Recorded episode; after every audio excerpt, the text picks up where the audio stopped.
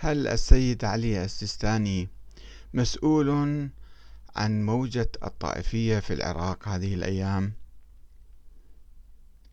في الحقيقة السيد علي السيستاني أصدر فتوى في تاريخ 10 أكتوبر 2013 ردا على استفتاء قدم إلى مكتبه في العراق بخصوص آه، سب أصحاب النبي وزوجاته وقال إن هذا التصرف مدان ومستنكر جدا وعلى خلاف ما أمر به أئمة أهل البيت شيعتهم.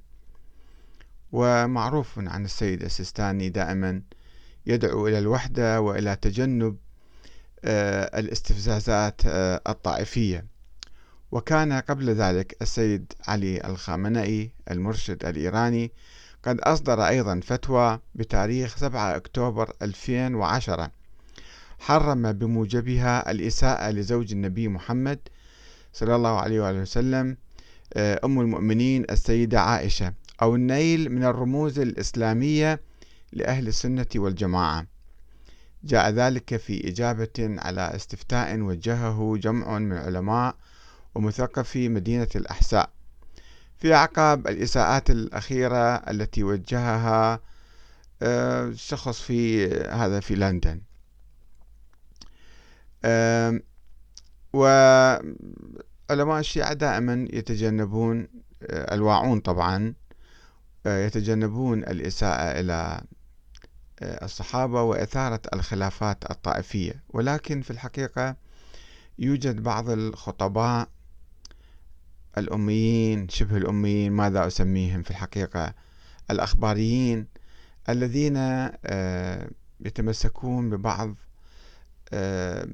مستلزمات أو لوازم بعض الأحاديث لكي آه، يكفروا الصحابة أو يكفروا مثلا يثيروا الخلافات الطائفية التي حدثت الخلافات السياسية التي حدثت بين آه، الصحابة في الصدر الأول.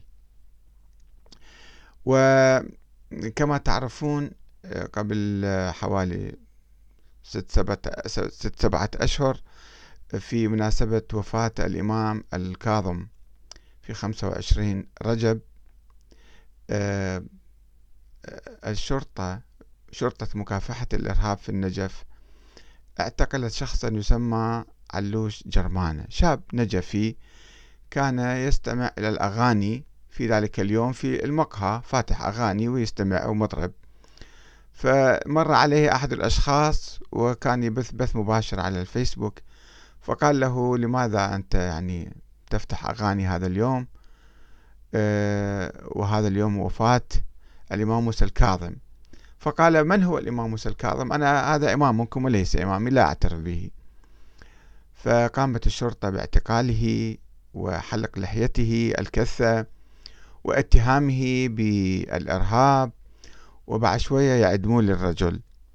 وطبعا كان ذلك بالتأثير أو بدفع من المرجعية في النجف التي استنكرت الاعتداء على يعني اعتبرت ذلك اعتداء على الإمام موسى الكاظم. والإمام موسى الكاظم ليس من الصحابة ويعني لا, لا توجد فيها آية قرآنية ولا مثلا آه، وإنما رمز لفريق من الشيعة. الإسماعيليون لا يعترفون به الزيدية لا يعترفون به إمام محترم عند جماهير من المسلمين في العراق. ولا يزال الرجل معتقل وحكم أعتقد بثلاث سنوات. علوش جرمانة وأثار موجة استياء واستنكار كيف أنه يتجرأ حتى يقول الإمام الكاظم مو إمامي مثلا وأنا لا أعترف به. وما سب الإمام ولا شتمه ولا مثلا. بينما نجد هذه الأيام بعض الخطباء مثل الشيخ سعد المدرس. هذا ماخذ راحته في الحقيقة في آه، التهجم على الصحابة وعلى آه، وينظر للعن سوف أتحدث عنه بشكل مفصل ولكن الآن أريد أن آه، أتساءل عن موقف المرجعية. يعني عنده فيديوهات بهذا العنوان استدلال كفر أبي بكر وعمر من خلال حديث الغدير وليس فقط اللعن أو السب وإنما تكفير ومن يدور في دوائرهما.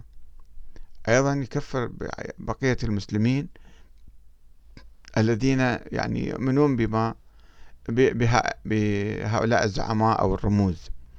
فالكلام هنا عن موقف المرجعية من هكذا خطباء. هل لها آه، سلطة عليهم؟ هل لها مثلا قدرة على مكافحتهم؟ على لجمهم على توجيههم وإرشادهم. في الحقيقة المرجعية لها بعض القدرة. ومن يقول أن المرجعية لا تتدخل في هذه الأمور هو مخطئ لأنه مثلا في المسيرات آه، المشي اللي يمشون إلى كربلاء مثلا. آه، الشرطة أعلنت في كربلاء أي واحد يهتف هتاف معين سياسي يعتقل واعتقلوا يمكن بعض الناس. هتاف سياسي ضد دولة معاصرة الآن أو ضد آه، قضية معينة.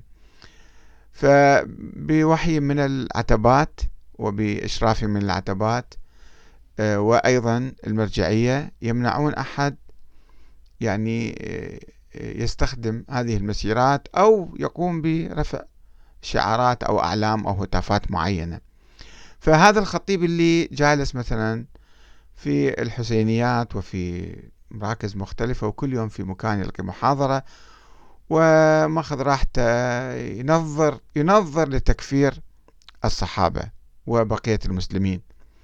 وهو ما يعني يثير فتنة طائفية حقيقة ويثير امتعاض وردود فعل عنيفة والمرجعية تستطيع تستطيع أن تبعث شرطة مكافحة الإرهاب لاعتقال هذا الشيخ أو محاكمته أو مثلا آه، الطلب منه على الأقل إذا مو اعتقال الطلب منه أن يكف عن هذه الإثارات الطائفية الميتة والقديمة أو أن تهديه وترشده وتتحدث معه آه، وتستنكر صدر بيان مثل ما السيد السيستاني أصدر بيان عندما قام مجموعة من الناس بمثلا مجموعة أفراد بإثارة الطائفية وسب الخلفاء الراشدين أبي بكر وعمر مثلا وعائشة جماعة ياسر اللعان في لندن آه، أربعة خمسة استنكروا والمرجعية أصدرت بيان وقالت هذا حرام. طيب لماذا تسكت على مثل هذا الشيخ الشيخ سعد المدرس؟ في الحقيقة المشكلة يعني هي المشكلة آه أنه هو وهم أيضا مع بعض آه يبنون مواقفهم على بعض الأحاديث أو بعض النظريات السياسية ومنها نظرية الإمامة الإلهية. أن النبي عين الإمام علي خليفة من بعده وجماعة اغتصبوا الخلافة ومن يغتصب الخلافة ولا يسمع كلام النبي فما هو حكمه؟ فهذا كافر هذا منافق هذا مرتد هذا كذا كذا.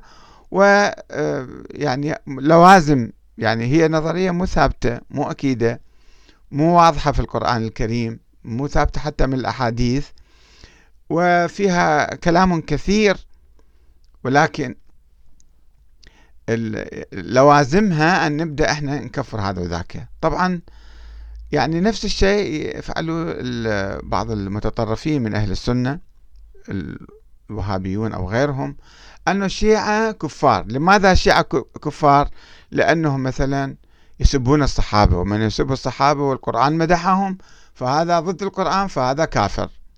أو الشيعة يقولون بتحريف القرآن الشيعة يقولون بكذا. الشيعة مثلا آه، مشركون آه، يعني هذه كلها يعني أشياء غامضة وفيها بحث وفيها نقاش ويمكن أفراد مجموعات تخطئ أو ترتكب بعض الأخطاء. ولكن يجي البعض يعمم ويثير ويبدأ يصدر فتاوى التكفير. والشيعة ضرروا بفتاوى التكفير كثيرا داعش وغير داعش. فلماذا هذا الشيخ؟ أنا تحدثت وجهت له رسالة قبل أيام بشكل هادئ ومؤدب ومهذب وطلبت من عنده أن يتأكد من القضايا اللي يبحثها وما يجي ياخذ يعني أحاديث ضعيفة ويمشي عليها. ولكنه يبدو رسالتي ما واصلة إلى أو لم يسمع كلامي أو لم يوافق ما أدري الله أعلم. فهناك قضايا كثيرة. الآن في السياسة آه، توجد قضايا كثيرة فيها خلاف. كل واحد عنده وجهة نظر. يمكن يعني إذا واحد يخون الآخر أو يكفر الآخر أو يفسقه أو يضلله حتى بين علماء الشيعة نفسهم فضلا عن الطوائف. فهذا ما يجوز أن واحد يتطرف بسرعة ويصدر أحكام.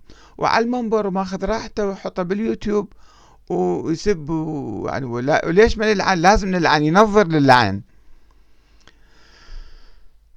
فالمطلوب يعني أنا ما أقول أن السيستاني هو مسؤول عن هذه الموجة الطائفية ولكنه سكوته عن ذلك والحوزة سكوته. وبعض الحوزة يمكن هم نفس الشيء يحملون الأفكار هذه. ولكن بالتالي الشعب الواعي الحريص على الوحدة الوطنية الحريص على المستقبل أن لا يتوقف عند القضايا التاريخية القديمة البائدة وينظر للتكفير واللعن والسب والشتم. وإلى وين راح نوصل مع وجود هؤلاء الخطباء الأميين أو أنصاف المثقفين الذين يستندون على بعض الأحاديث الضعيفة ويثيروا الفتنة في هذه الأيام. مع العراق آه، والأمة الإسلامية ناقصتهم المشاكل والهموم حتى أن نأتي ونضيف على مشاكل العراق مشكلة جديدة مشاكل الأمة الإسلامية. هذه الفتنة الطائفية. نأمل إن شاء الله أن تصل هذه الرسالة إلى المخلصين إلى المثقفين إلى الواعين إلى العلماء والمراجع حتى يتخذوا آه، موقفا منها ويلجموا هذه الأصوات الطائفية الفتنوية النشاز. والسلام عليكم ورحمة الله وبركاته.